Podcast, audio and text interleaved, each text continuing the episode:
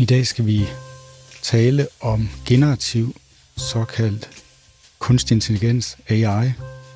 Der ligger måske en lille vink med en vognstang i, hvad, øh, for en slags rolle, jeg måske kommer til at spille. Og, og det var dig, Claus, der, der foreslog, at vi skulle tale om kunstig intelligens. Men øh, inden vi gør det, så skal vi jo tale om nogle aktualiteter. Og har du lidt i posen? Og vi har masser i posen.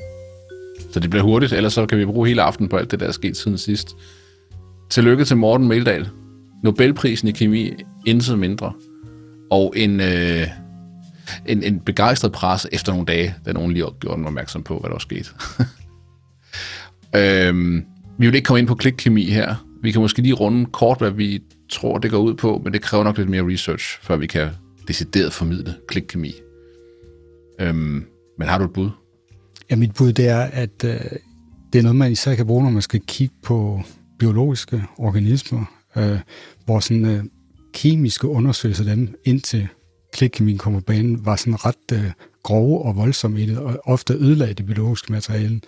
Men klikkemien, så kan man også meget mere tilpasset interventioner, så man faktisk kan stå med noget biologi, der også fungerer bagefter, at man har interveneret kemisk. Og det er så også derfor, at, at det har potentiale i forhold til sådan noget som kraftbehandling, og måske kan gøre sådan noget som øh, gammeldags kemoterapi overflødig, fordi man kan intervenere meget mere præcist. Og så i stedet for at gå efter at dræbe kun lidt færre af kroppens celler i forhold til kraftcellerne, så simpelthen bare gå meget mere målrettet efter det. Så det skulle være den sådan helt overordnede øh, måde at se det på. Mm. Og øh, det er jo ikke lige i går, at øh, Meldal og forskningsgruppen i USA har opfundet klikkemi, er det det? Nej, det, det fremgik, at han vist blev lidt overrasket. Altså, han har, han har været en kandidat en del år, fordi det ligger vist en 25 år tilbage nærmest at arbejde med, så han arbejder vist med nogle andre sager i dag. Mm. Og det, det kunne så sådan indikere noget omkring Nobelprisen og den forsinkelse, der ligger, den nærmest konservatisme, der ligger i den institution, at det tager meget lang tid at nå frem til at, hvad kan man sige, øh, hedre folk for, for, for de øh, gennembrudte arbejde, de har lavet. Men vi kan så også nævne jo, at, at det er egentlig interessant, at det er den anden øh, Nobelpris i træk, øh, som går til dansker, hvor det er i kemi. Mm-hmm. Så, vi så det, er jo, på kemi. det er egentlig sjovt, fordi kemi bliver der jo ikke snakket så meget om i den sådan, danske offentlighed, men der er nogle danskere, der er temmelig dygtige til det. Mm. Cool. Det kan være, at vi vender tilbage til klikkemi, selvom kemi jo nok ikke lige er vores speciale, men øh, kæmpestort, synes jeg. Fedt. Så synes jeg, vi skal gå, øh, vi skal lige blive biologi, biologien, biologien, og, øh, og så skal vi nødt til at runde øh, covid her på, øh, på kanten af en solid vinterbølge, der allerede er i gang. Øh, har vi jo lidt øh, nyheder fra pandemifronten. Og øh, først øh, den her sag om, som også efterhånden er lagt i graven igen, tror jeg. Vi hører ikke så meget om den. Men underdoseringssagen. Blev vi underdoseret med, med vaccine fra Pfizer? Mm, ja, altså, øh, der var helt klart en situation, hvor der var ikke så mange vaccinedoser i landet, øh, som man kunne så der i, i starten af 2021. Og så opfandt Sundhedsstyrelsen en måde at, at trække det her vaccine ud af, øh, eller op i sprøjterne på, og en måde at håndtere kanylerne på, som, som så gør, at man kan få syv doser i stedet for seks ud af, af sådan en flaske. Øhm, og, øh, og det kan godt være, at som sådan, at, øh, at det har haft en minimal effekt til, hvor, hvor godt vaccineret folk de blev, fordi man skal også tænke på, at de øh, kliniske forsøg, der blev lavet, der er sommer for at dosere temmelig rigeligt, for, fordi mm. det var træls at stå med sådan et nulresultat, øh, fordi man bare havde doseret for lidt. Men, men det, jeg synes, der er det mest interessante ved det, og det mest bemærkelsesværdige, det var, at den, kan man sige, nødprocedur, den så bare fik lov til at, at, at køre videre i et års tid. Mm. Og det synes jeg vidner om, at man ikke helt er ops på i Sundhedsstyrelsen. Hvor står vi i den her pandemi, og hvad er ligesom det operative øh, situation lige pt? Hvordan kan sådan en få lov til at køre videre i et års tid, selvom vi kom ud af den situation, hvor der var for, for lidt vaccine til rådighed overordnet set? Mm. Det må man spørge sig om. Så Sundhedsstyrelsen sendte nogle guidelines ud med, altså, altså godt tænkt et eller andet sted. Altså hvis der er en lille buffer af de her øh, øh, ampuller, hvorfor så ikke få det, få det hele ud og få vaccineret en ekstra person per dose, eller per glas? Øhm, men da vi så kunne få rigelige mængder vaccine, så fik man ikke rullet den her guideline tilbage, før der er gået et år. Og der var også noget med, at, at øh, Serum Instituttet var ikke helt enig med, at det var en god idé at, øh, at, at øve sig i at, at, at trække flere doser ud af glasset. Øhm, og jeg har da sådan, er det ikke Serum Instituttets øh, opgave, den slags? Vil det ikke være, det? de, har øh, laboratorierne, de kan teste den slags? Brostrøm indrømmer selv, at de har ikke testet det. Det var en teoretisk øvelse i starten. Øh, fordi man, man, kan, man har ikke remedierne og, til at, og måske have kundskaberne til at teste den slags hos Sundhedsstyrelsen. Så, øh, så ja, jeg, jeg tror ikke, at det er bare en tro, så jeg tror ikke, at der, at, at der er nogen, der bliver underdoseret som sådan. Jeg tror ikke, det har nogen effekt. Øh, men det er lidt mere procedurerne i det. Altså, hvem beslutter hvad? Og øh, hvordan kan to styrelser igen være på kant med hinanden på den måde?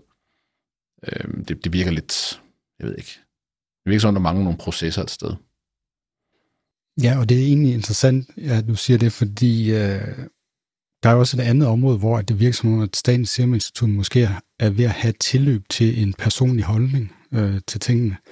Mm. Øh, for jeg, jeg har siddet og ventet på her, øh, især i september og her i starten af oktober, om, øh, om de måske vil begynde at, at, at, at bemærke noget om det, der er ret tydeligt i spildevandsmålingerne, øh, i øh, stigningen positiv procenterne, i øh, stigningen i indlæggelser, nemlig at der måske er en bølge, der er i gang med at rejse sig, fordi øh, det var også det, man kunne se sådan cirka udgangen af september og starten af oktober i både 2020 og 2021.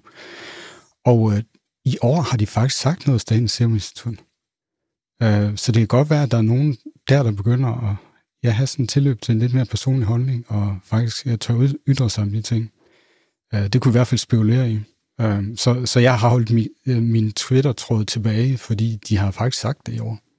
Så der er ikke nogen, der kommer her senere på året og forhåbentlig skal øh, sige, at der er faktisk noget, der hedder eksponentiel vækst. Og, jo, jo. En. Hvis okay. han stadig er minister på det tidspunkt. Ja. Han vil nok stadigvæk øh, forundres over, du ved, at kogen svipper opad på den måde. Øhm, ja. Okay, men altså, øh, jeg tror ikke, vi hører meget mere om den her underdoseringssag, sådan set. Den blev rejst af DR, og øh, det var, øh, jeg synes faktisk, det var udmærket journalistik, det var nok også skarpvinklet, men man har i mindste lavet, man har lavet nogle forsøg, man har testet det, men det var ikke bare en påstand ud for nogen, noget hearsay, man har været en, en tur i laboratoriet for at teste, om det her havde noget på sig. Øhm, og som sagt, det belyser nok bare endnu en gang, at øh, en, en lidt, øh, ja, nogen vil kalde det magtfuldkommenhed. Det er meget op i tiden øh, en magtfuldkommen attitude hos Sundhedsstyrelsen og, og direktøren. Øh, men lad os gå videre til en, en anden kritik, øh, som har været rejst øh, for et tid siden, og så igen så sent som i dag. Øhm, og det er fra Lungeforeningen, som siger, at øh, vi kunne sparet hundredvis af menneskeliv, hvis man havde været lidt hurtigere på aftrækkeren på vaccinationen. Og den har jeg lige taget på listen, fordi vi sagde det. vi var inde på det for nogle, nogle episoder siden, hvorfor i øh, hedehule, at man ikke kom ud med vaccinationen tidligt, fordi vi ved jo, at der kommer en ny bølge. Ikke? Altså, så hvorfor har man været så langmodig med at få vaccineret de ældre? Og hvorfor er man endnu mere langmodig øh, med at frigive vaccine til indkøb for os stakler under 50, som ikke længere øh, må få den på statens regning? Øh, det har til synligheden kostet menneskeliv, og måske øh, øh, Øh, 300-360 øh, menneskeliv, der kunne have været sparet hvis man fik vaccineret tid, siger Lungeforeningen.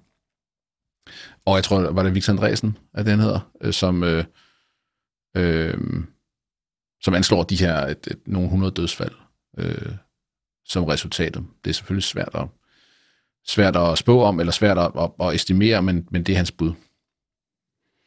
Ja, altså det, der undrer mig også, det er jo, at når øh, de danske sundhedsmyndigheder har anbefalet en, en kun vaccinetilgang til politikerne, at man så ikke virkelig gør noget med vaccinerne, og især også, altså at... Ja, altså man ikke... kun, at, at vaccinen er første og sidste og eneste forsvarsværk, fordi man ikke indfører nogen som helst andre tiltag i Danmark, øh, så bør man også gøre rigtig meget ud af, at vaccinen faktisk er på plads, og at den fungerer, og at der er rigeligt, og alle har den.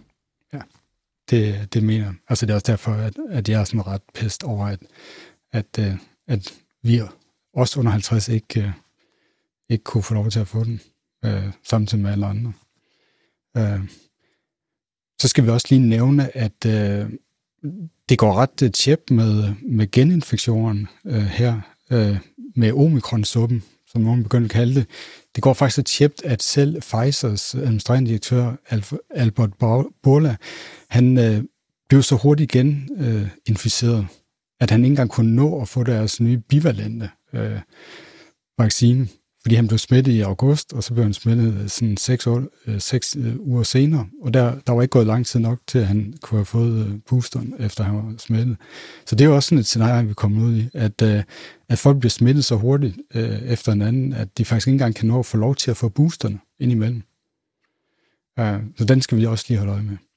Men uh, lad os uh, komme væk fra covid. Altså, det kan være, der kommer dropper en, i pandemiens tår om ikke så længe, hvis jeg kan forevise dig om, at uh, nu er det ved at være tid. altså, ja. øh, det har jo med, at som, som, som vinteren kommer, så bliver, så bliver det skidt jo mere og mere aktuelt. Så lad os se, lad os se, hvad det kan blive til. Ja, men så lad os tage en tur i rummet. Yep. NASA øh, drønede en sonde ind i en måne til en asteroide. DART-mission, som jeg tror, alle har hørt om. Uh, Double Asteroid Redirection Test. Og der skal vi så lige sige, at det er også et, et super fedt backronym, som man kalder det. Mm. Altså man starter med et ord, man gerne vil ramme, og så prøver man at finde de ord, der skal indgå i akronymet, for at det, det kommer rigtigt ud den anden. Og det her, det, det giver jo faktisk temmelig godt, altså temmelig god mening. Ikke? Altså, jo, jo. Og de har kun brugt øh, de første bogstaver hver ord, det er også flot. Det er rigtig flot. Ja. Så bare alene på backronym, øh, øh, niveauet, så, så er den jo fuldstændig i orden. Men, mm. men det mm. gik så, jo så også meget bedre i, i realiteten også. Det var jo en, en kæmpe succes, og det er, jeg tror måske mange betragter det som en lille kuriositet, at, øh, og, og måske nogen synes ovenkøbet, det spilder penge og sende sonder op, og så drøne noget af den ned i, øh, øh, i øh, meget, meget hurtigt ind i en øh, asteroides lille måne. Men fidusen var jo selvfølgelig, at man vil teste, om man kan flytte et himmellegeme med så lille en påvirkning, som så sådan en, en, en lille maskine altså har, hvis nu den kommer flyvende hurtigt nok. Og, øh, og det kan man. Og det vil sige, at øh, vi, vi har måske en chance i det her scenarie, hvor en, en større asteroide er på vej mod jorden. Måske kræver det ikke Bruce Willis og, og atombomber, men måske er en, en lille hurtigflyvende sag hurtigt, øh, nok, hvis vi rammer rigtigt, fordi så kan vi ændre øh, kredsløbet på den her asteroide. Og asteroider er jo et kredsløb. Altså, øh, det er det meste, der fiser rundt ude i rummet. Så hvis man kan ændre kredsløbet, så kan vi måske ændre det, så den styrer udenom jorden. Øh, og der skal ikke så meget til. Og det man fandt ud af her, man havde håbet på at kunne ændre øh, den her månes kredsløb om sin moderasteroide. Øh, månen hedder Dimorpho. Dimorphos, ja. Øh, man havde håbet på at kunne ændre kredsløbet med 73 sekunder, men øh, man fik faktisk flyttet kredsløbet med 32 minutter. Så man har påvirket det her himmellegeme med meget, meget større kraft, end man havde regnet med. Og det er et rigtig godt... Øh, øh, det, er sgu, det er sgu en stor ting. Ja, altså en, en pointe øh, i forhold til med at kunne flytte lidt på, på himmellegemer, der er på vej mod jorden, det er jo så, at man skal gøre det i tide. Altså det er, en, det, er det med at få en lille forskel forholdsvis langt ud. Altså, mm. hvis vi skal have Bruce Willis og borbisserne op med atombomber, så er det, når det er kommet for tæt på, til at, at en lille forskel øh, vil gøre noget i forhold til ikke at ramme jorden. Men, men, øh, men det, der er interessant her, det er jo så også det, at, at øh, de energier, der indgik, og hele den orbitale mekanik og sådan noget, den var jo velkendt på forhånd, men, men det man ikke rigtig vidste, det var, hvordan ville den her øh, måne, asteroidemåne, hvordan absorberer den energi. Og det var mm. der, hvor det virkelig overraskede positivt, at den absorberede det på en måde, så det faktisk blev til, uh, til bevægelse. Uh, ja. og, øh, og det er så lovende, men, men vi kan så måske ikke overføre det til alle andre typer asteroider, fordi de har jo forskellige sammensætninger, som jeg også har talt om i nogle, andre episoder. Så så, men alt andet lige, altså bare den her tanke om, at, at vi kan ramme noget så langt væk, der bevæger sig så hurtigt, så præcist. Fordi hvis man ser de der fede videoer af sonden, der er på vej ind imod, så, så er det simpelthen, det er simpelthen bullseye. Den rammer lige præcis midt i ser ud til. Man kan Jeg sige, tror, hvordan... de var, øh, var de nogle få meter fra det punkt, man udset sig. Jeg vil sige, hør rumsnak, øh, hør podcasten Rumsnak, der kommer de meget med ind på også præcisionen og... Øh, har nogle flere data på det, end vi lige har med her i vores, i vores nyheder. Ja. Så en, en sjov øh, måde at, øh, synes jeg, øh, sætte det ind i den store ramme, det er øh, robotforskeren og udvikleren Rodney Brooks, som tweetede, at, øh, at, at øh, det her det er den første gang, menneskeheden har ændret på mekanikken i solsystemet. Og på den måde er det faktisk ret store ting. Altså, man kan sige, i princippet, så har vi har jo prøvet at, at smadre øh, for eksempel tredje trin Saturn 5 eller dengang ind i månen øh, for at udløse nogle seismiske øh, bevægelser, og selvfølgelig principielt i forhold til Newtons lov og sådan noget, så bevægede månen sig lidt der, men det var altså meget, meget lidt. Mm. Hvorimod det her, det er simpelthen en målbar og, og, og signifikant ændring af et himmellegemes øh, bevægelsesmønster. Ikke? Mm. Så vi har simpelthen ændret, vi er i gang med at bygge øh, solsystemet om i den forstand. Ja, lad os håbe, at det kommer og bider os i røven, når der er nogle, øh, nogle dynamikker, vi ikke kan forudse. nogle nogle øh, trælæme øh, ting, der ligesom går op i en højere enhed, og så på et tidspunkt, så får vi de morfos lige i skallen om et par tusind år. Nej, det skulle der ikke være nogen risiko for. Øh, nu siger du robotforskeren. Øh, der er robotter på menuen hos Tesla, fordi øh, som lovet, så præsenterede Tesla på AI Day øh, deres robot, eller en prototype af deres robot. Så du det? Ja. Ja, ikke live. Øh, så Nej, dedikeret. Jeg har ikke live. Øhm, som altid hos Tesla, sådan en lidt mærkelig, sådan lidt øhm, uncanny forestilling, hvor man ikke helt ved, om det er, om det er en joke eller hvad. Ikke? Øhm, men øh, et eller andet sted imponerende nok. Altså, altså, kritikerne vil jo sige, at, eller de siger, at man så jo ikke andet end, end, øh, du ved, hvad Sonys robot kunne gøre for 20 år siden. Den kunne også gå. Men jeg tror, man skal lægge mærke til måden, Teslas robot går på, og den måde, som den sanser sin omverden.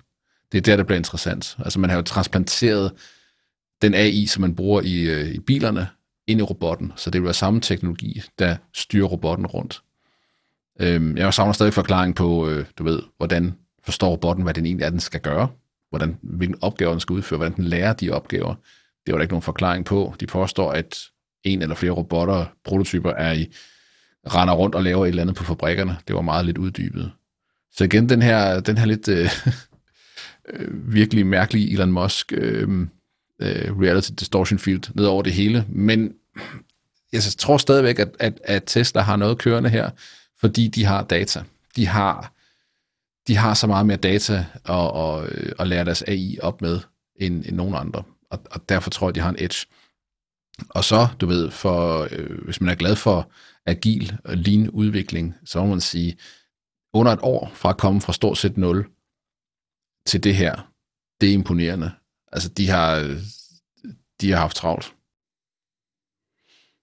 Og så man så sige, at Tesla har, når de når frem til noget, der fungerer øh, bedre, så har det jo så den fordel, at øh, de ved noget om, hvordan man producerer ting i stor skala. Og det er jo helt mm. klart noget af det, som andre robotfirmaer har haft øh, udfordringer med. Ja. Men der var en interessant kommentar på Twitter for en, som sagde, at, at der var måske et, et problem, som er noget anderledes for Teslas robotter, end det er for deres biler i, i forhold til, hvordan de forholder sig til den fysiske verden, og det er, det er, at bilerne for alt i verden ikke må interagere med resten af den fysiske verden, udover vejbanen.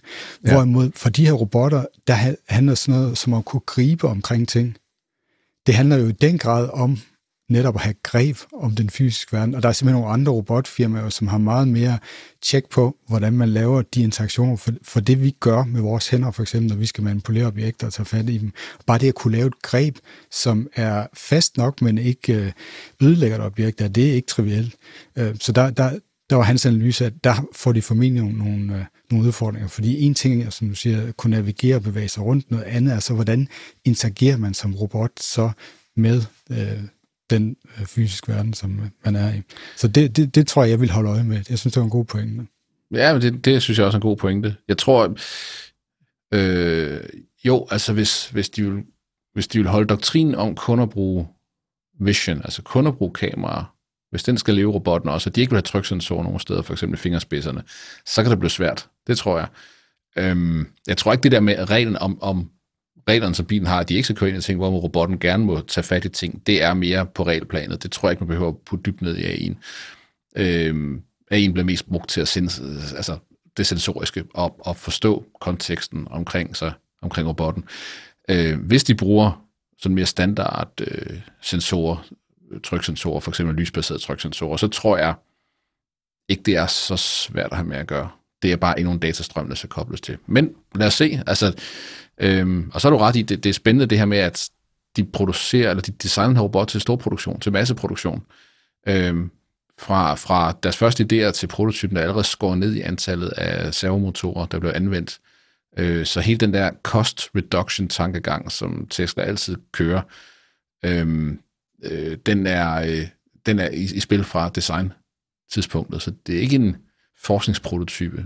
De vil på markedet med det her, og ja, folk grinede af, at de prøvede at komme på markedet med en elbil, så jeg vil ikke grine af den nu. Jeg er, jeg er spændt på at se, hvad der sker. Ja, altså, øh, hvis vi skal sådan, sammenligne med bilen, så kunne det godt være det samme, at der kommer noget på markedet, som er noget, den halter noget mere, ikke går ikke så sikkert øh, som noget af det Boston Dynamics kan lave for eksempel, men den er på markedet, og den er meget, meget billigere, så folk køber den. Og så sker der så det, det samme som med, med bilerne og, og deres øh, øh autopilot, det er jo så, at de begynder at få de meget, meget mere data ind end øh, konkurrenterne. Og det er jo så der, hvor de så måske kan, kan udnytte det til at skabe, øh, skabe nye fordele. For det synes jeg fremgik øh, især af, af det, jeg så af præstationer. Det er, det er, hvor stor deres datafordel er, lavet det til i forhold til andre. Helt, helt enormt. Altså, ingen andre har flere millioner biler kørende for at samle data ind.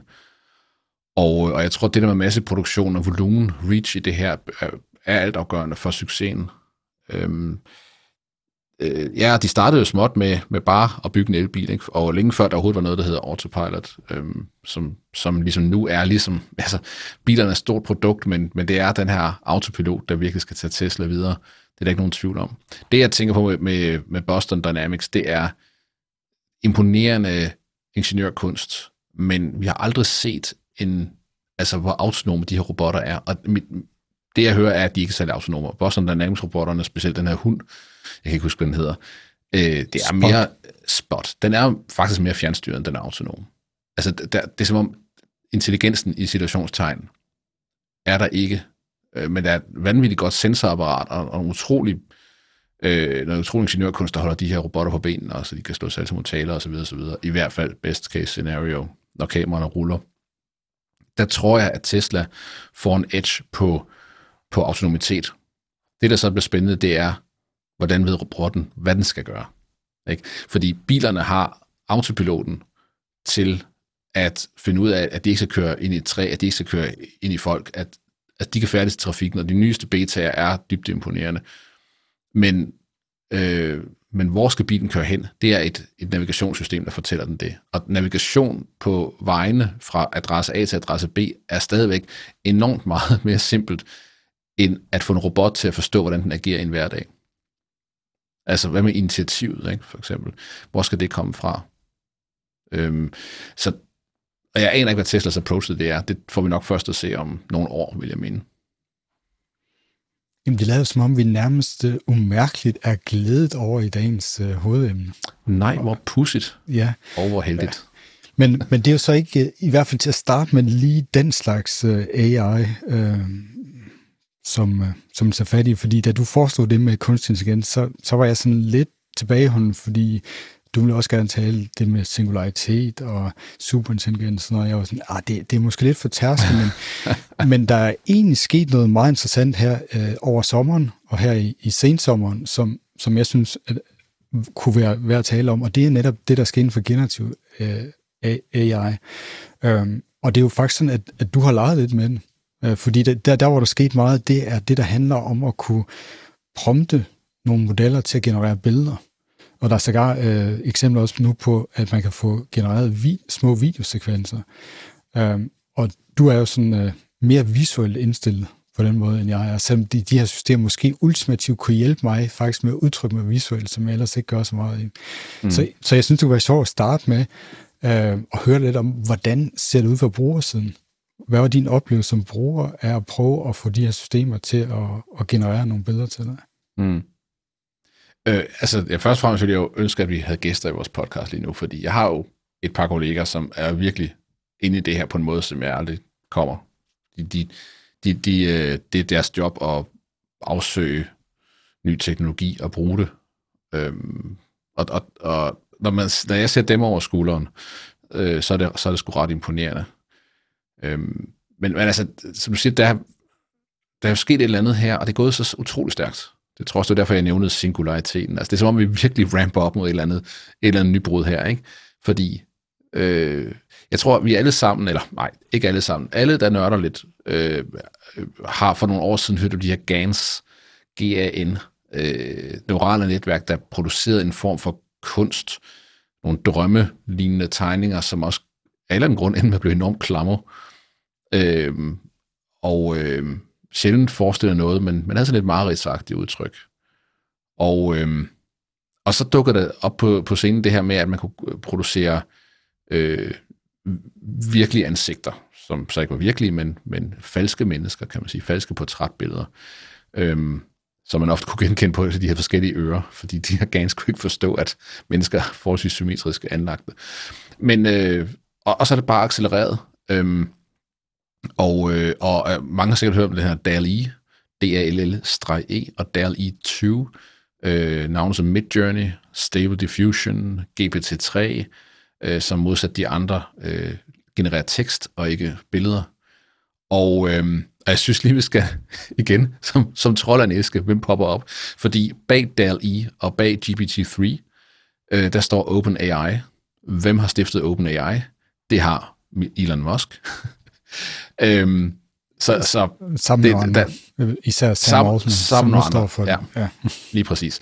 Øh, det var nok med Musk, at det blev virkelig berømt, fordi han jo, øh, du ved, han forstår sin marketing, og han sagde jo, at han investerede i, i OpenAI for at øh, ligesom komme på forkant med den her udvikling, som ellers er er skide farlig. Men nu er det OpenAI, der ligesom fører an i, i, i hvert fald, hvad jeg forestiller mig, er mainstream-udviklingen af de her, hvad kan vi kalde det, redskaber.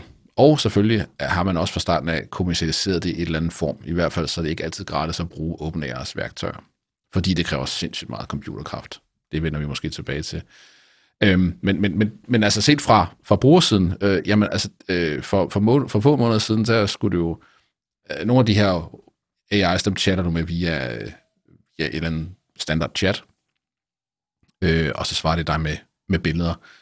Øh, man giver dem en prompt, øh, man beskriver simpelthen, hvad billedet skal forestille, hvilken stil det skal være, om der er nogle bestemte detaljer, man er interesseret i.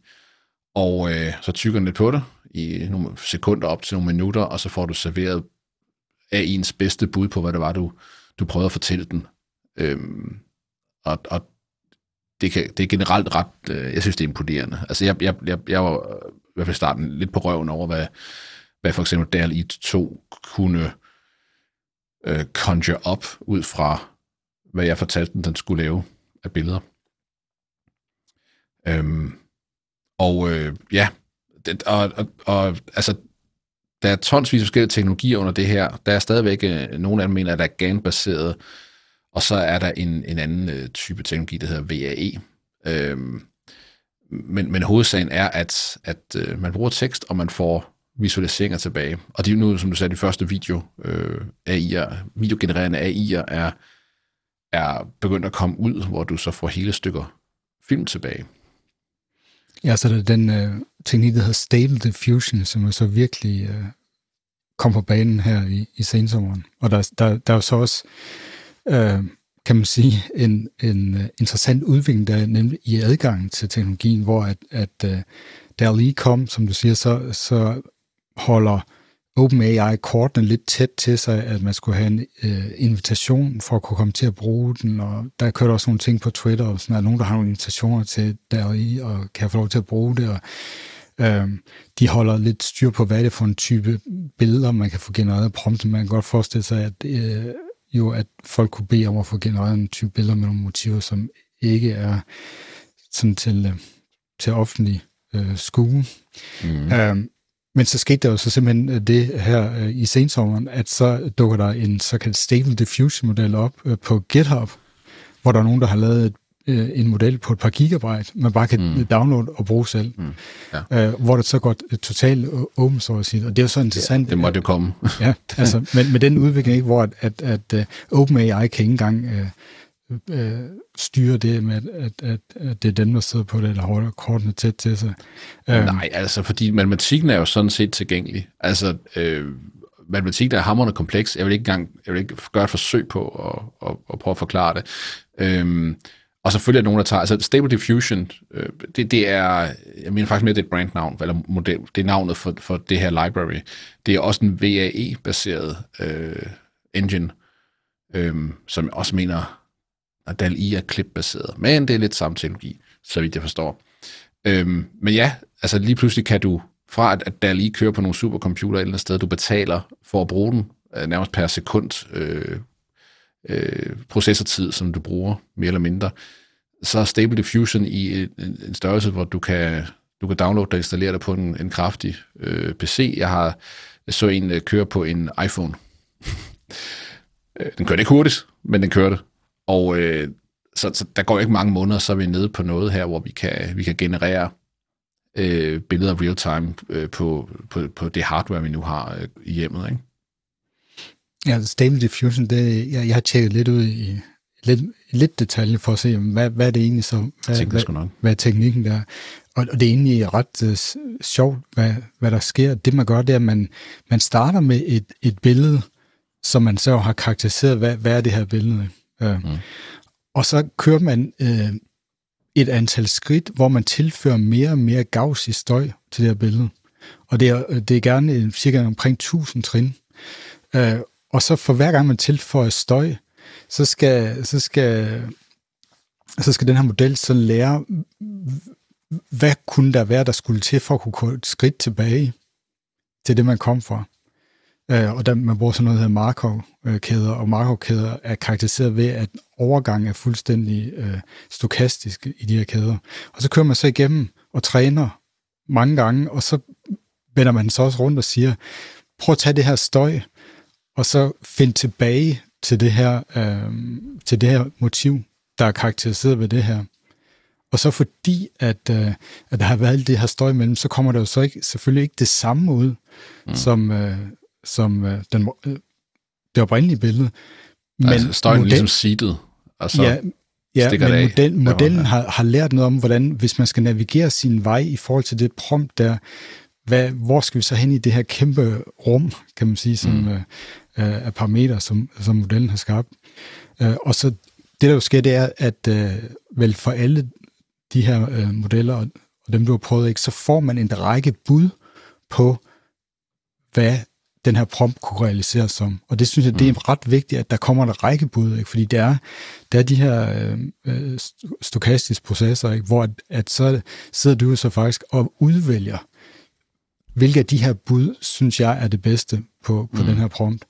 Um, og jeg synes, nogle af de ting, du viste mig, at du havde fået lavet sådan nogle Chris Foss-agtige nærmest uh, ting med rumskib, uh, kæmpe store rumskib, der var i gang med at, at skulle let fra jorden, eller folk, der var i gang med at gå ombord på sådan nogle mm. Nords Ark-agtige rumskib og sådan noget. Og det var ret imponerende, hvad du lykkedes. Det er ret imponerende, hvordan at, at, at den synes at ramme det, som jeg så for mig, og så prøver jeg selvfølgelig også at beskrive en form for stilart, men, men ja, øhm, men, men, men øh, to ting. Altså, det du beskriver, der mener jeg faktisk også, at VAI, øh, men vi vil ikke klogere mere på de her matematiske modeller. Øh, det med, med, med, med tilføring af støj, og så, øh, og så bagefter en støjrensning, kan man sige. Det er støjrensningsprocessen. altså, meget, meget, meget primitivt udlagt. Øh, så bruger man den form for neural net, som man havde udviklet til at fjerne støj fra billeder. Til at genkende et motiv, der var mere eller mindre ødelagt af støj.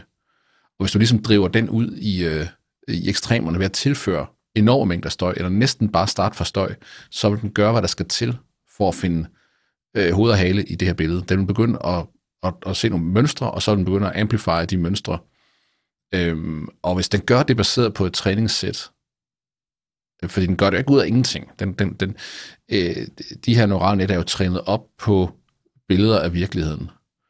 Øhm, og det er jo der findes et datasæt på mange, mange, mange millioner billeder, som man kan, øh, man kan downloade, og så kan man bruge det til at træne sit neurale netværk med. Og nogle af de datasæt har så også markeret, hvilke billeder, der ligesom er, er fy, not, not safe for work, og, øh, og så bliver de øh, sorteret fra, eller i hvert fald øh, anvendt på en anden måde end, end billeder af, af katte og huse og biler. Øhm, og, og dermed kan man, prøver man at gøre de her neurale netværk sådan en smule etisk bevidste. Men, men, men i princippet er det en videre udvikling af et støjfjerningsnetværk, så vidt jeg forstår det, som man så kan tvinge over i at faktisk generere øh, motiver. Og så skal den jo selvfølgelig kunne genkende øh, den her tekstprompt, for at forstå, hvad, hvor, der, hvor der den skal hen. Ikke? Så tekstprompten er ligesom, forstår jeg, en, en vejviser igennem, øh, øh, hvad hedder det, øh, det neurale net. Hvilke patterns skal, der, skal man gå, når man begynder at genkende mønstre i det her, som faktisk bare er støj. Øhm, øh, så, så, så det, der er interessant, det er, at, at den, den her, kan man sige, generative brug af AI, machine learning, skulle vi måske kalde det i stedet for, for ikke at, at kalde det kunstig intelligens, øh, stammer fra en lidt mere, øh, hvad kan vi sige, kold og kynisk brug af, af, øh, af AI til billedgenkendelse og til øh, kategorisering. Øhm, og øh, nu skal vi ikke snakke generelt AI her. Det skal vi ikke. Men øh, der er en del lighedspunkter mellem for eksempel den AI, som Tesla bruger, når de skal genkende verden omkring bilen, hvor, hvor øh, der er det vigtigt, at du kan genkende, hvad der er vej, hvad er træer, hvad er mennesker, og så skille de ting af, ligesom lavdele billedet, så du ved, hvor du kan køre, hvor du ikke kan køre. De teknologier, man bruger der, er, er ikke ulige dem, som man bruger i generativ øh, AI'er. Ja, det, det er så der, hvor at, at, øh, at ja, der er flere veje, det, vi kan tage her, men, men vi skal lige, den skal vi huske det der med, vi skal, vi skal lidt senere, så skal vi huske at reflektere, hvad, hvad netop det der, hvad det perceptive, det er sådan det perceptuelle, det er som om, at mm. det, er der, det er der, inden vi ender omkring at arbejde. Men jeg synes, inden vi snakker om det, så skal vi i hvert fald også lige nævne det, at der er jo sådan en ny disciplin, som er blevet, øh, blevet navngivet, som så er blevet kaldt prompt engineering. Ja. Og, og det er jo så det, at øh, at sammensætte de her prompt, prompter til systemet. Mm. Øh, og, øh, og det er jo egentlig interessant at se dem, der virkelig har siddet og, øh, og leget med de her øh, modeller. De prompts, de laver, de minder overhovedet ikke om øh, natursprog. Altså det er, ikke, det er ikke sætninger, som, øh, som hvis man tror, at, at hvis man skal have et rigtig fedt billede, så siger man bare noget, som du og jeg vil sige til hinanden. Det gør man ikke. Øh, sådan er det ikke øh, endnu, eller det er ikke sådan, det mange af de rigtig fede øh, billeder fremkommer på. Det er nogle ganske lange og ret spøjse sammensætninger af ord, hvor at man kan sige, at de her øh, modeludforskere nærmest, de har jo så siddet nok i timevis og prøvet at lege med modellerne for at finde ud af, hvordan reagerer de øh, på bestemte ord og bestemte kombinationer af ord, eller bestemte klasser af ord.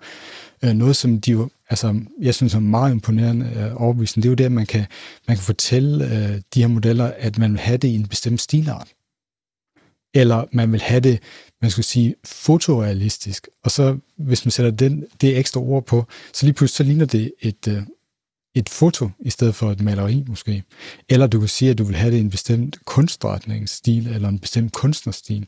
Så mm. inde i, i det her kæmpe parameterrum, der, der, der er altså også nogle øh, kondenseringer, som handler om forskellige øh, kunstnere og stilarter. Og det, det, og det kommer jo udelukkende på, på baggrund af, af træningssættet. Men det bare interessant, ja. ikke? det er, at, at, at de regelmæssigheder, som, uh, som vi jo opfatter i forskellige uh, kunstneriske udtryk, uh, stilarter, genre, uh, enkeltkunstnere, de uh, manifesterer sig også inde i de her modeller. Ja, og de manifesterer sig, fordi, som du siger, det kommer fra træningssættet. Så, så de her træningssæt, de indeholder jo så et, et antal billeder, som er tagget i forvejen øh, med, med menneskelig hjælp, sikkert øh, delvist er det i hvert fald, øh, på for eksempel øh, øh, øh, ja, indsæt berømt kunstner her. Ikke? Øh, det kan være, at de er tagget Picasso. Og, og, og, og, og de, de er ligesom et subset, der handler om stilarter. Så, øh, så så det kan godt være, at, at Picasso-billedet forestiller en, en kvinde og en kat og så videre, men det bliver mere brugt til at sige det generelle udtryk i det her, øhm, som det nu aflejres i neuronerne i netværket. Jamen det er, øh, øh det, det handler om, det er Picasso-stilart. Og så hvis du bruger uh, In the Style of Picasso som en del af din prompt, jamen så vil den tabe ind i den del af netværket, og så vil øh, så det vil med til at styre, hvordan de enkelte pixels de bliver sat i det endelige resultat. Øhm, men det bliver så splicet sammen med et motiv, som kommer fra en anden del, altså forestillingen, sige, aflejringen af mønstret af en kat. Øh, og, så, øh, og så det stokastiske, som du siger, øh, kommer jo så fra, fra støjgenereringen, som jo så vil være en ny gang på gang. Det vil sige, at sige det anderledes. Så når man tager, meget primitivt beskrevet det her, men, men når, når man tager vejen igennem det neurale net, så har man fået en ny rute hver gang. Øh, det er meget for, svært at forestille sig, at man kunne ramme præcis det samme motiv med præcis det samme udtryk, fordi øh, seedet er nyt. Øhm, og, øh, og det er vel der, og nu, nu gisner jeg bare, men det er jo der, at de her øh, billedgenererende modeller, de minder lidt om de tekstgenererende, at de kigger på altså øjebliksbilledet, hvor er vi nu? Hvad vil det mest sandsynlige vej være videre øh, i, i, i, øh, ud fra den prompt, vi har? Så for hver pixel, der nærmest, altså for hver iteration, man sætter, øh, man, man, man afsætter i billedet her, jamen så vil man, så skal den være den mest sandsynlige ting at gøre. Ligesom når man genererer tekst, kigger man på, hvad er det næste ord sandsynligvis efter det her ord? Baseret på det kæmpe sæt af læring, som man nu har puttet ind i modellen. Ja, så på den tur ind i, igennem øh, modellens uh, parametre og vægtene, der, der, så kan der opstå, uh, man tager sådan nogle latente rum. Uh, og, og Latent der, space, ja, og, det er lige uh, i the choke point, det er nede i bottlenecken, hvor, uh, hvor, uh, hvor vi kan sige, hvor, hvor vi faktisk har færrest neuroner, der binder i, i centrum af det neurale net, så vidt jeg forstår det. Hvor man har komprimeret, men det, det handler også, og det er jo interessant. Nogle af de algoritmer bliver også brugt til kompression. Det kan vi vende tilbage til. Men, men, men man, man komprimerer ligesom øh, øh, inputtet ned øh, til et minimalt antal neuroner, og så udvider man det derfra. Det er der magien sker, fordi i latent space, der kan der ske alt muligt. øh, som jeg forstår det i hvert fald. Og, det, altså, så, så er der så nogen, der udforsker de her forskellige rum inde i, i, i det store parameterrum, og øh, jeg fandt, øh, eller faldt over et tweet, øh, hvor der var en, der simpelthen har fundet en, en ret uhyggelig dame, som sådan øh, øh, temmelig gyseragtig dame, som øh, yes. han kaldte Moab, som ja. øh, han, han sådan kunne fremdyrke og få til at gå igen og igen. Og den her stakkels dame, hun har sådan noget rosacea udslæt i ansigtet og ser temmelig, mm. øh, temmelig øh, syg ud. Øh, men, men det er jo så det, at, at der er sådan nogle øh, øh, promptonauter, eller hvad vi skal kalde dem, som, som simpelthen så går ind i modellerne, og så begynder at, at fremdyrke nogle ting derinde, som måske ikke er helt åbenlyse, og så, så, så tager de på en, en længere rejse rundt der, og, og, og finder ud af, hvad, hvad, hvad, hvad ligger der det her område af modellen, og hvad, hvad kan mm. man få ud der. Og hun dukkede faktisk op ved, at, øh, at øh, vedkommende her prøvede at lave en, en negeret prompt, så vidt jeg husker. Øhm, Midjourney, som, som af den model, som han brugte, øh, der, kan du, der kan du give dem en, en negering og sige, jeg vil have et billede af, øh, af en ikke øh, et, et ikke-glas rødvin, for eksempel. Og så skal modellen så generere et billede af det stik modsatte glas rødvin. Hvad det sådan er. Men der er jo en matematisk, sådan en model er der en matematisk, du ved, antitese til et glas rødvin, eller hvad man nu beder om, ikke? Og så dukker det her, det her øh, ja, øh, sørgelige, uhyggelige øh, væsener op, ikke? Ja, men lad os prøve at tage det med, øh, mm. tilbage til det med, med, med støjfiltrering, øh, for, øh, fordi jeg synes, det peger på nok, hvor, hvor vi er her, øh, også i forhold til det arbejde, øh, som, øh, som vi så på... Ja, støj, støj, støjfiltrering og, øh, og, og kompression. Ja, og som vi ja. så med, også med Teslas arbejde. Det, altså, jeg synes, der hvor vi er her, det er ude i hvis vi skal sammenligne os med os selv, så er vi ude i de perceptive lag, lag stadigvæk. Altså vi er i de lag, hvor det handler om at, øh, at finde regelmæssigheder i den virkelighed, der strømmer mod os. Og, og der er vi jo så heldige, at i det univers, hvor vi lever i, der er faktisk nogle regelmæssigheder. Øh, og de regelmæssigheder findes så både i den fysiske verden, men det vi kan se her, det findes også i, den symbol, i de symbolske verdener, som vi har lavet som mennesker. Der er blandt kunstneriske udtryk, kunstneriske genre, øh, kunstformer, tekst osv. Der, der er heldigvis regelmæssigheder, og ellers så ville vores liv nok se meget anderledes ud, hvis der ikke var regelmæssigheder.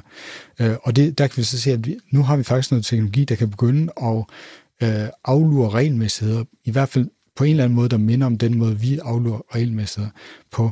Øh, og der synes jeg, det er der, hvor at, at det giver så total mening, at øh, øh, algoritmer, der handler om øh, at lave støjfiltrering, altså har noget at byde ind med på de her områder, fordi det er også noget, der jo i den grad foregår i vores, øh, i vores øh, perceptive apparat. Altså, at vi bliver nødt, og også det, som nævnt, kompression, vi bliver nødt til at tage righoldigheden i verden, øh, og så øh, komprimere den ned til noget, som vi faktisk kan håndtere kognitivt øh, i, vores, øh, i vores kognitive system. Ikke?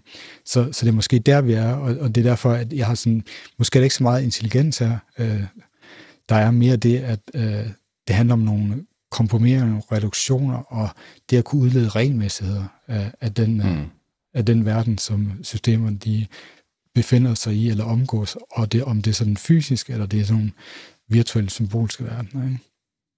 Og, og det er jo, og det kommer også an på, hvordan vi definerer intelligens, ikke? Og, og det er jo noget, der er meget, meget svært at definere. Øhm, og derfra så til at gå til bevidsthed, det skal man så virkelig passe på med, ellers så bliver man fyret for Google. Men, men, øh, men jeg, jeg synes alligevel, det, det der er sindssygt spændende, det er, at jeg synes, at, at vi, kan ikke, vi kan ikke bare reducere det her. Altså jo, det, vi, vi kan reducere alt, men det er ikke altid skide spændende. Øhm, øh, der, kommer, der kommer noget ud af, der kommer noget udtryk ud af de her ting. Jeg vil være påpasselig med at kalde det kunst, fordi jeg synes, kunst er bundet til en menneskelig faktor. Det kan vi lige vende tilbage til. Men, men der, der kommer helt klart udtryk ud af det. Nogle af de her billeder kan gøre noget ved os, øh, uanset om de er uhyggelige eller smukke.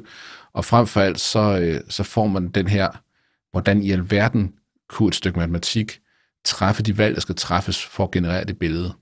Øh, og jeg kan kun opfordre til, at man prøver at sidde og lege med for eksempel DAL-E eller Midjourney, fordi man kan godt give den en, en du ved, ben og en motiv og en stilart, men så finder den på i citationstegn også lige at gøre noget i baggrunden og lige sætte en krukke ind på bordet ved siden af. Ikke?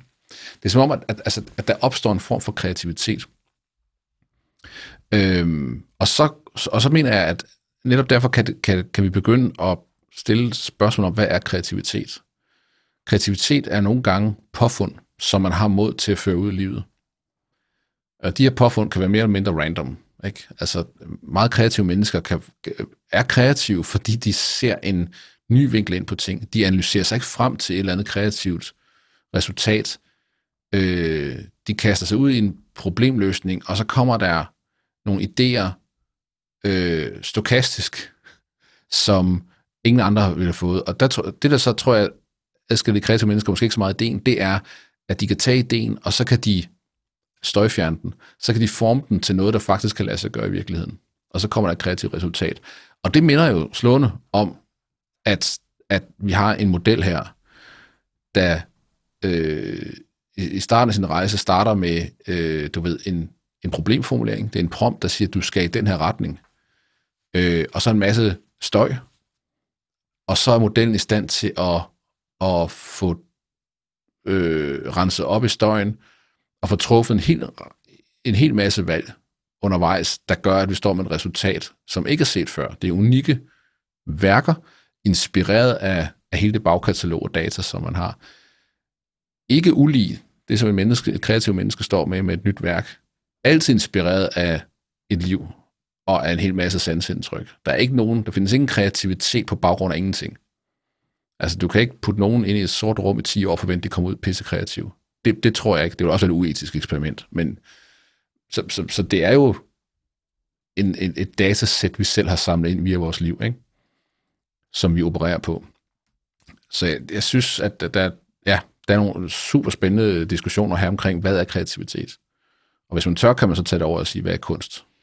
Ja, så, så vil jeg faktisk lige skyde noget ind der, eller supplere, som jeg synes, vi skal have noget med et medie på banen også. Ikke? Fordi, yes. øh, fordi hver af, af, af, de her modeller udtrykker sig så også i et medie. Altså, der lige vil jo ikke lige pludselig begynde at, at generere tekst eller generere musik.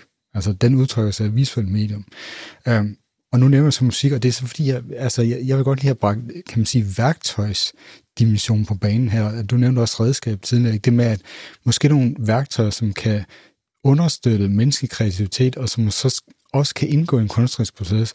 Og noget af det, jeg har gået og tænkt over her med, med de her værktøjer, det er at tænke på, okay, hvad er inden for musik der? Der er nogle måske oplagte øh, paralleller, knap så oplagt, men, men øh, med det med at sige, hvordan, hvis nu generaliserer det, der foregår i de her modeller, til at sige, at der foregår nogle formelle procedurer for at kunne generere noget materiale, som man så kan vurdere og lade indgå i sin kunstneriske proces. Øh, det første eksempel, jeg tænker på der, det er det, man kalder den anden vinerskole. Øh, øh, Arnold Schönberg, øh, Alban Berg, Anton Weber, dem der udviklede 12-tone musikken, som vi vil kalde Og det er jo egentlig, at man siger, jamen, øh, vi tager de her 12 toner ved rådighed, så giver vi dem, øh, så giver vi et nummer hver af dem. Og så kan man jo faktisk sætte sig til øh, stokastisk for eksempel, og generere de her forskellige Ja, det er jo gjort mange gange. Det gør mange gange. Men, men det, der så sker der... Det lyder sjældent særlig godt. Det ja, har du ikke lige været inde og høre noget, der var ret fedt?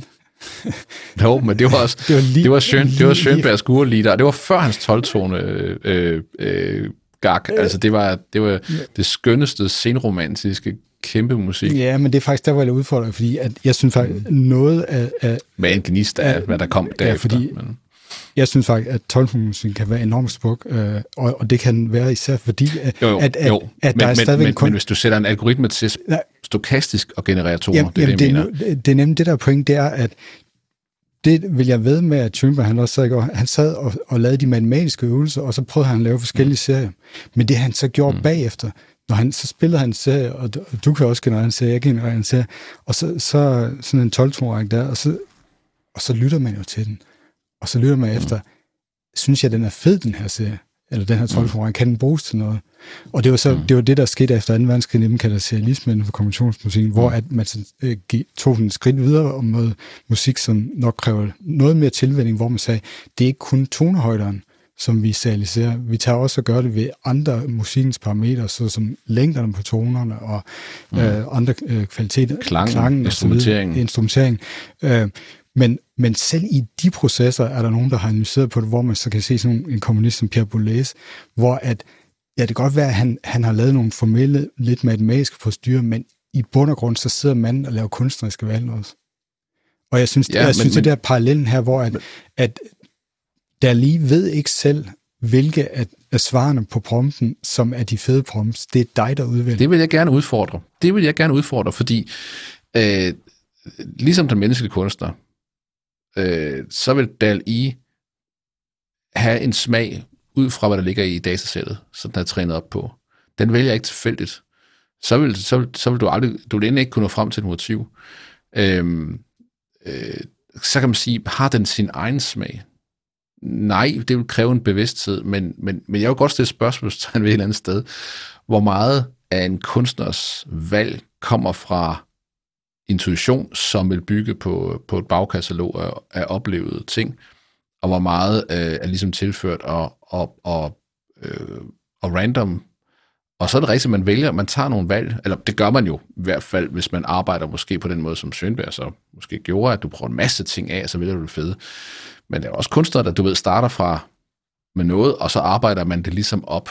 Ikke? Og så dukker nogle ting op og siger, hov, det så, da, det så meget godt ud. Men jeg tror ikke, der er sindssygt langt fra fra øh, kunstnerens fornemmelse, at, at den her, den fungerer til det her neurale netværks, øh, du ved, et eller andet værdi, der falder i balance, fordi det her minder om nogle træk, der er set i to generationer af kunstnere bagud, baseret på datasættet, hvis, hvis du forstår, hvad jeg mener.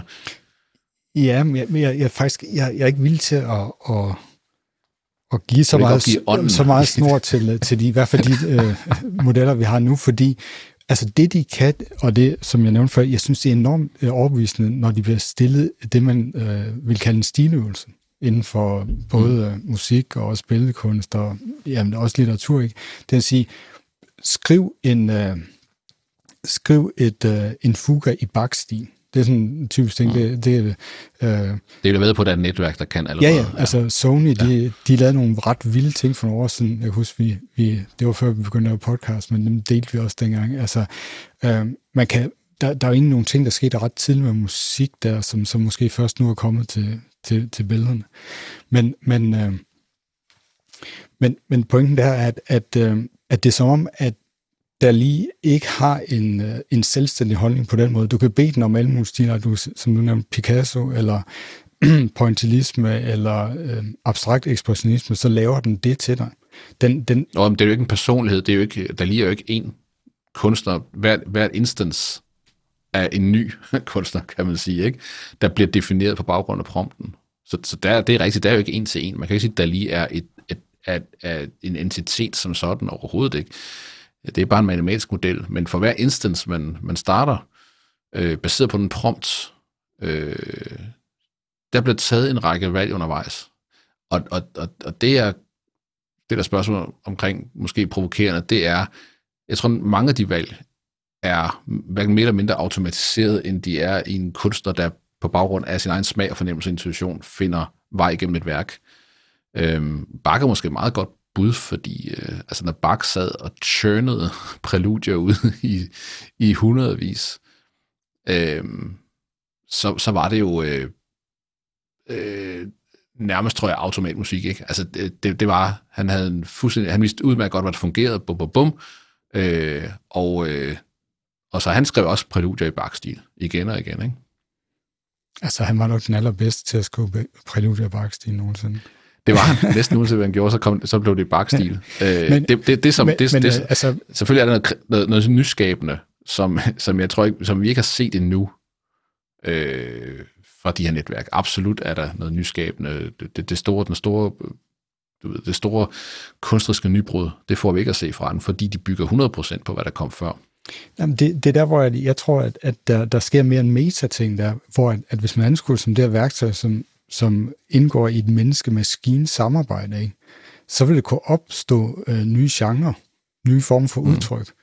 Mm. Øh, Helt sikkert. Øh, lige, lige så vel som øh, en, en parallel kunne være øh, inden for skakverdenen, ikke? Øh, hvor der er de her øh, kentaurer, ikke? Som, øh, som er mennesker og maskiner, der, der spiller skak sammen. Øh, og så kan man sige, skak det er et spil, det, det har ikke samme... Øh, øh, det er ikke et kunstnerisk udtryk på samme måde som... Øh, det kan man sige, man kan spille skak på, på, man kan have sin egen stil, den måde, man skal skak, spille skak på. Jeg synes lige nu, det, det der sker i skakverdenen, ja. er nærmest et stykke ja. absurd kunst. Det er det, ja. Men, men, men, øh, men, men jeg tror mere på, at, at, øh, at, at det kunne blive til, at, at der simpelthen opstår nogle nye genrer. Altså det, at, at der er nogen, der øh, lidt eller også med, med elektronisk musik, altså hvor at der var simpelthen nogle nye, der blev i stand til at, at lave musikalsk udtryk, da det blev computeren, der blev det vigtigste øh, arbejdsredskab, hvor at de egentlig ikke var øh, det er oplagt for dem at spille klaver, for eksempel. Men, men de, de kunne finde ud af at spille ja. på det her nye instrument, som var computeren og den software, der var på computeren. Og jeg tror lidt det samme, vi kunne se her.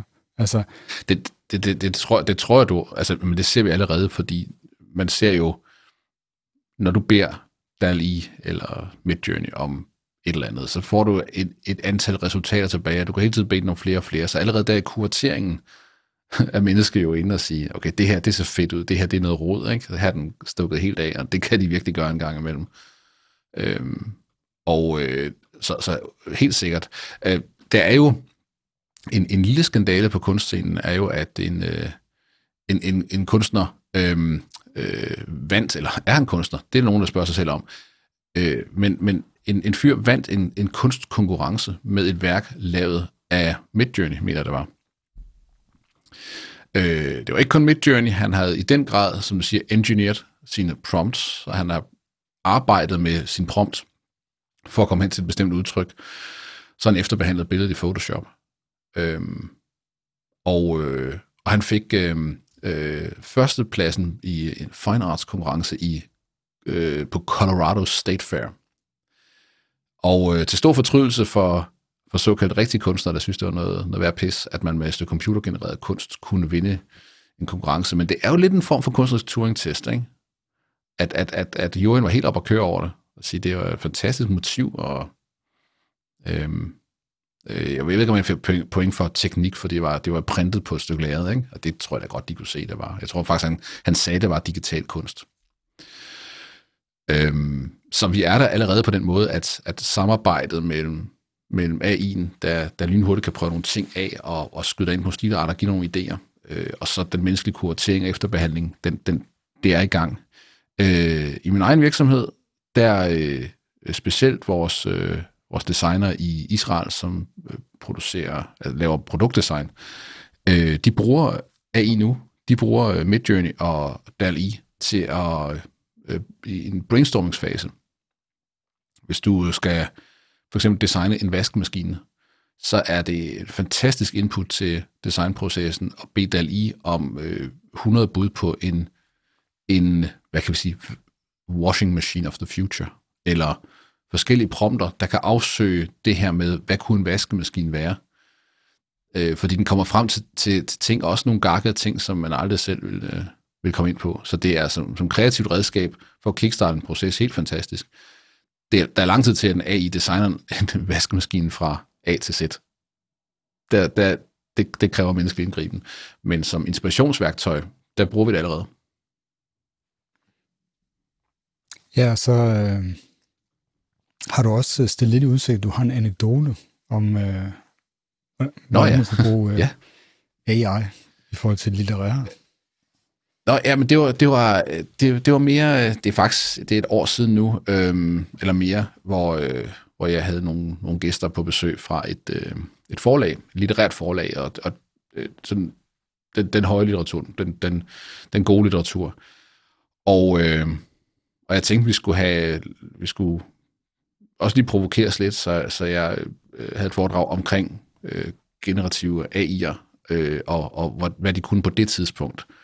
Præsenterede nogle af de første kortfilm lavet af AI, og også nogle af de øh, tekster. GPT-3 var lige kommet ud på det tidspunkt, og, og øh, prøve at generere nogle tekster med GPT-3, simpelthen for at rejse debatten om, du ved ikke, hvornår forfatter bliver arbejdsløse, for det tror jeg simpelthen ikke, forfatter nogensinde bliver, men, men hvor, hvor går grænsen mellem, mellem, mellem kunst og at få en maskine til at generere værker? Altså, vil, er det kunst? Kan det nogensinde blive kunst?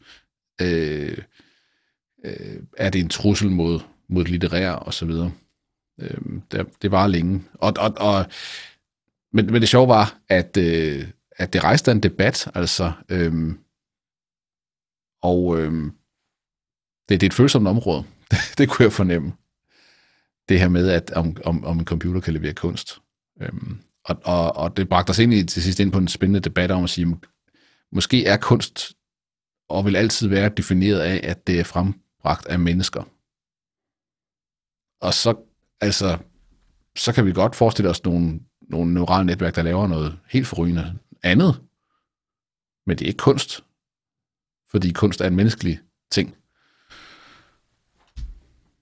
Ja, og det, altså, det er jo der, hvor at, at i bare det visuelle medium, der, der, der bliver lavet mange forskellige ting med, med forskellige formål. Altså, der er jo også ting, mm. altså udelukkende kommercielle formål, eller altså meget øh, brugsagtige, og det findes også inden for musik, ikke? Altså, og, og, og måske, det er jo samme her, ikke? Altså til, til meget brugsagtige ting, øh, som du nævnte, øh, den, en, en udviklingsproces, eller illustration til en eller anden... Øh, artikler og blogposter og sådan noget, jamen så det har vi også set tweetstorms øh, af folk, der, der har skrevet om, hvordan de simpelthen meget billigere og meget bedre har kunne få lavet illustrationer til deres blogposter. Det er jo, det er jo helt tydeligt, altså det vil sige, øh, hvis man skulle tage en prototypisk øh, definition af kunst, ikke, så er det jo helt tydeligvis ikke kunst, vel? Altså det tjener et helt andet formål, og det har ikke gennemgået den, en, en kunstnerisk proces. Men det er stadigvæk... Nej, men det kan forveksles med kunst. Det kan det godt. I hvert fald, i hvert fald hvor vi er nu, hvor vi måske ikke er helt vant til den, det udtryk, som, øh, som de her netværk har. Øhm, men jeg tror, jeg tror mere, det, jeg tror ikke, vi skal være bekymret for kunstens vegne. Kunsten har overlevet lige siden øh, altid. Og, øh, men, men, men jeg tror sådan, jeg tror mere, det vil, vi vil se en revolution på den måde, at det bliver lidt ligesom dengang, vi gik fra øh, øh, fra håndværk til masseproduktion, og så hen over sådan en form for skøn virketid, du ved, hvor, hvor man prøver at holde fast i det gode gamle håndværksdyder, men man bliver tvunget ud i at masseproducere det, ikke? Og, og, og, og det tror jeg, vi kommer til at se her. Altså, øh, noget af det, hvor, hvor det her allerede har, har vundet indpas, er selvfølgelig i, i det, man også kunne kalde en kunstnerisk genre som computerspil. Øh, altså det at sidde i 10-12 år og modellere øh, en storby til brug for næste GTA, spil. Ikke? Et, et, et kolossalt arbejde. Og det er klart, at det kan ligesom masseproduceres via AI. Altså en, en AI vil kunne generere en, en fotorealistisk storby på meget, meget kort tid, i forhold til, hvis du skulle sidde og modellere det øh, som menneske.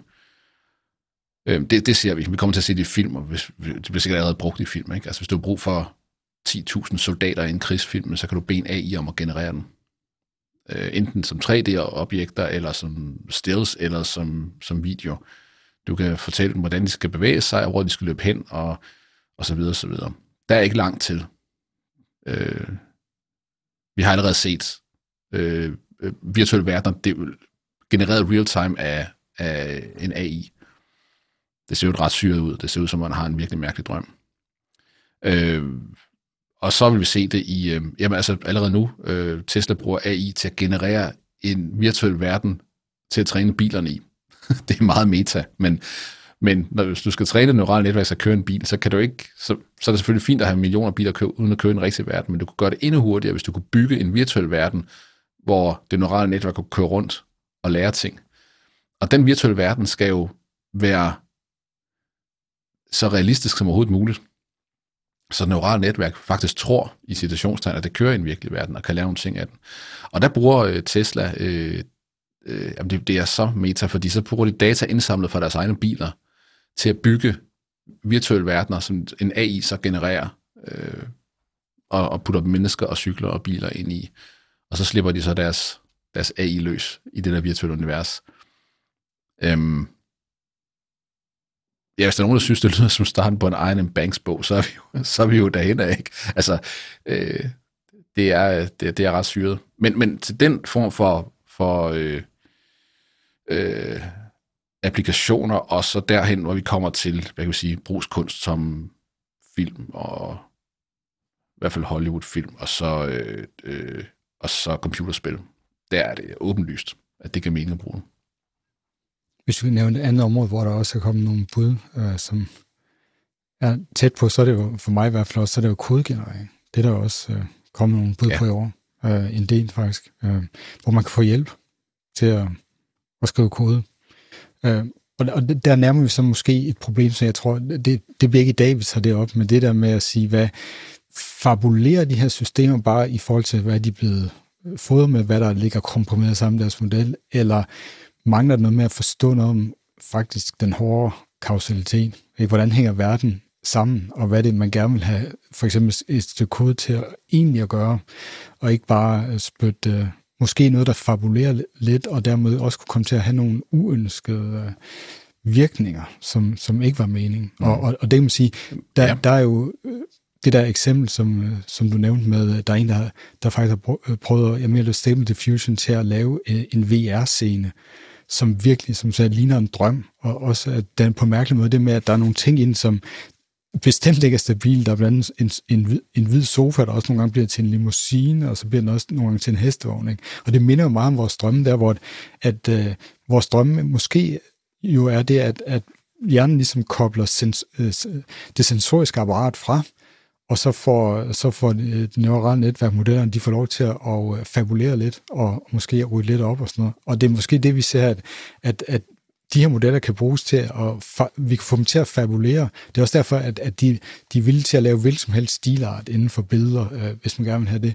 Og så får vi dem til at fabulere lidt, og som siger, så kurateringen, det er som mennesker, der siger, jamen, den der, det der påhit der, øh, det du kommer op med der, det, det, lad, os, lad os køre videre med det. Der er noget fedt i det. Det, det, det, er, det er slående så meget, øh, både billederne, men i særdeleshed det der VR, og vi skal nok linke til det, men det, det er jo altså en, en VR-scene, hvor vedkommende går rundt med et, øh, et, et, et VR-headset, Oculus tror jeg det er, vedkommende har på, og, og hver gang han kigger over på noget, øh, øh, så opløses det ligesom i en ny form. Altså som du siger, en sofa, det bliver til en hestevogn og til en bil, og øh, hvad er det neurale netværk, som lige tænker, det her, det er nok en bil. Men næste gang kigger over, så er det nok en sofa, for der er ligesom ikke en hukommelse, der husker, hvad det var sidst. Øh, men, men, men, men helheden af rummet ændrer sig langsommere, og, og det er fuldstændig grund i en drøm, hvor historien konstant ændrer sig.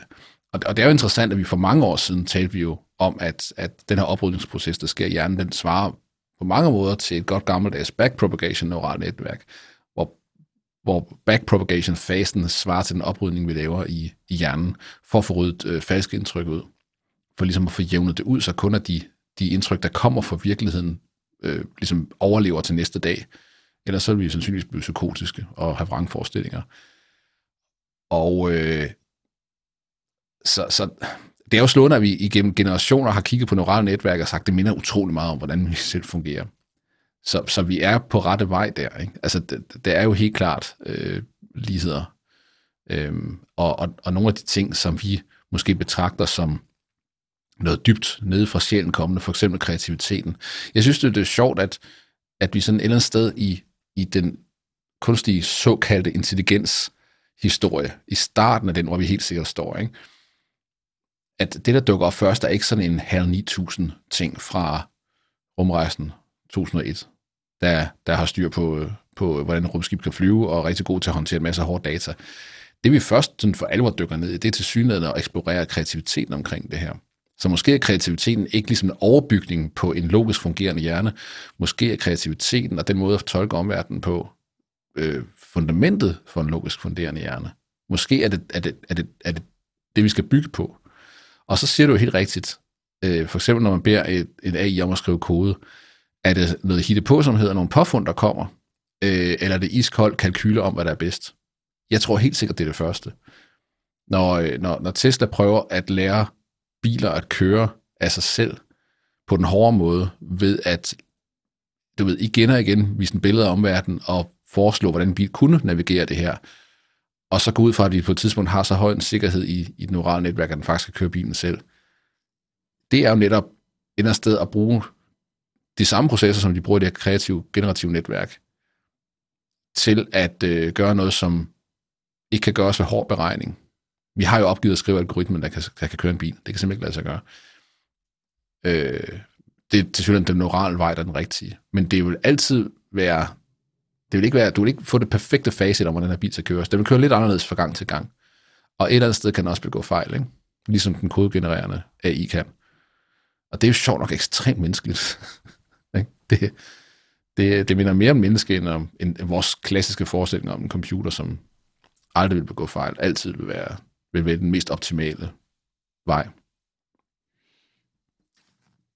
Jeg så en øh, karakterisering af, og det var så ja, deep learning, hvordan man træner deep learning-netværk. Jeg mener, det var fra bogen, der hedder en Coders, og sådan noget, Steam Levy, der har skrevet, hvor der er en programmør, der, der kaldte øh, at træne sådan en, øh, en modeldel som at lære en hundevalg ikke at tisse på gulvet. Altså, det, det er lidt den fornemmelse, der er, ikke? Og, og, og den tror jeg, den diskussion skal vi gennem til en anden gang, men hvad er det egentlig, vi så forventer vores systemer, især i spørgsmål i forhold til kausalitet og determinisme, altså hvordan at de opfører sig øh, i forskellige situationer, og kan vi forvente, at de opfører sig på samme måde, givet øh, de samme øh, omstændigheder. Det, øh, det tror jeg, det gemmer vi fordi det, det, det handler om andre aspekter af AI. Hmm. Ja. Men, det, men det bliver nok et umiddelbart et nej.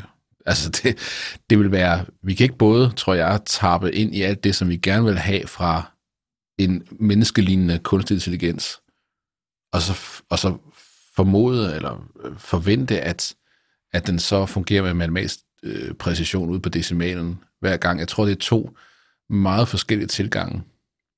Øhm, og jeg tror så også, at nemlig at den her, at tage den mere lejende tilgang til det, det tror jeg øh, er interessant anderledes, som du siger, også historisk set i forhold til, hvad man har troet. Men, men det er så nok også noget, som øh, Steven Johnson, øh, som vi jo godt kan lide, som skriver nogle fantastiske bøger om, øh, om teknologiudvikling og teknologihistorie, og laver også tv. Han har, han har lavet en bog, jeg mener, den hedder Play, ikke? Altså, hvor han faktisk bor igennem øh, dele af teknologihistorien, hvordan at det faktisk er det med at lege og spille og musikinstrumenter og alt den slags, som har, har ledt til nogle, nogle overraskende udviklinger. Og jeg synes, det, det er lidt den, den fornemmelse, vi har her. Ikke? At uh, der kunne komme lidt overraskende fra en anden vinkel her, som er en mere lejende, mere afprøvende, eksplorerende. Det øh, mener du helt ret i, og, og til allersidst synes jeg også, man kan også lige tænke over, hvad er det, hvad er det vores krop og hjerne gør, når vi sanser omverdenen? Ikke? Fordi vi ser jo ikke, vi får ikke et råt signal ind i et eller andet iskoldt logisk hjerne. Vi, øh, mere med hjerneforskning tyder på, at vi på mange måder genererer vi det, vi ser. Ikke? Vi, øh, vi, vores hjerne kompenserer for støj, den kompenserer for blinde pletter, den øh, kompenserer for, øh, når vi bevæger øjnene hurtigt. Øh, den, den er rigtig, rigtig god til at generere et billede af virkeligheden, som passer med det, som vi mener, det skal være, ud fra den erfaring, vi har bygget op, ikke? ud fra det datasæt, vi har bygget op. Så jeg tror ikke, at der i hvert fald på det teoretiske plan er så super langt fra, hvordan en, en AI genererer et billede, til hvordan vi hele tiden genererer øh, vores sansindtryk. Øhm, Og vi ved jo også, at hvis vi begynder at inducere støj i systemet, så begynder den, vores sansindtryk at blive forvansket, og vi ser verden på en helt anden måde. Øhm, så vi prøver at holde det så støjfrit som muligt, ikke? Øhm, men, men, men i sidste ende er det jo en, en generativ proces, det er jeg sikker på, som, som fortæller os, hvad det er derude rundt omkring os. Ja, vi går nok rundt og drømmer hele tiden, men nogle gange så er vi mere bundet af sansindtryk end andre. Det tror jeg er en rigtig god måde at beskrive det på, faktisk. Øhm, skal vi ikke lade det være de sidste ord til eftertanke?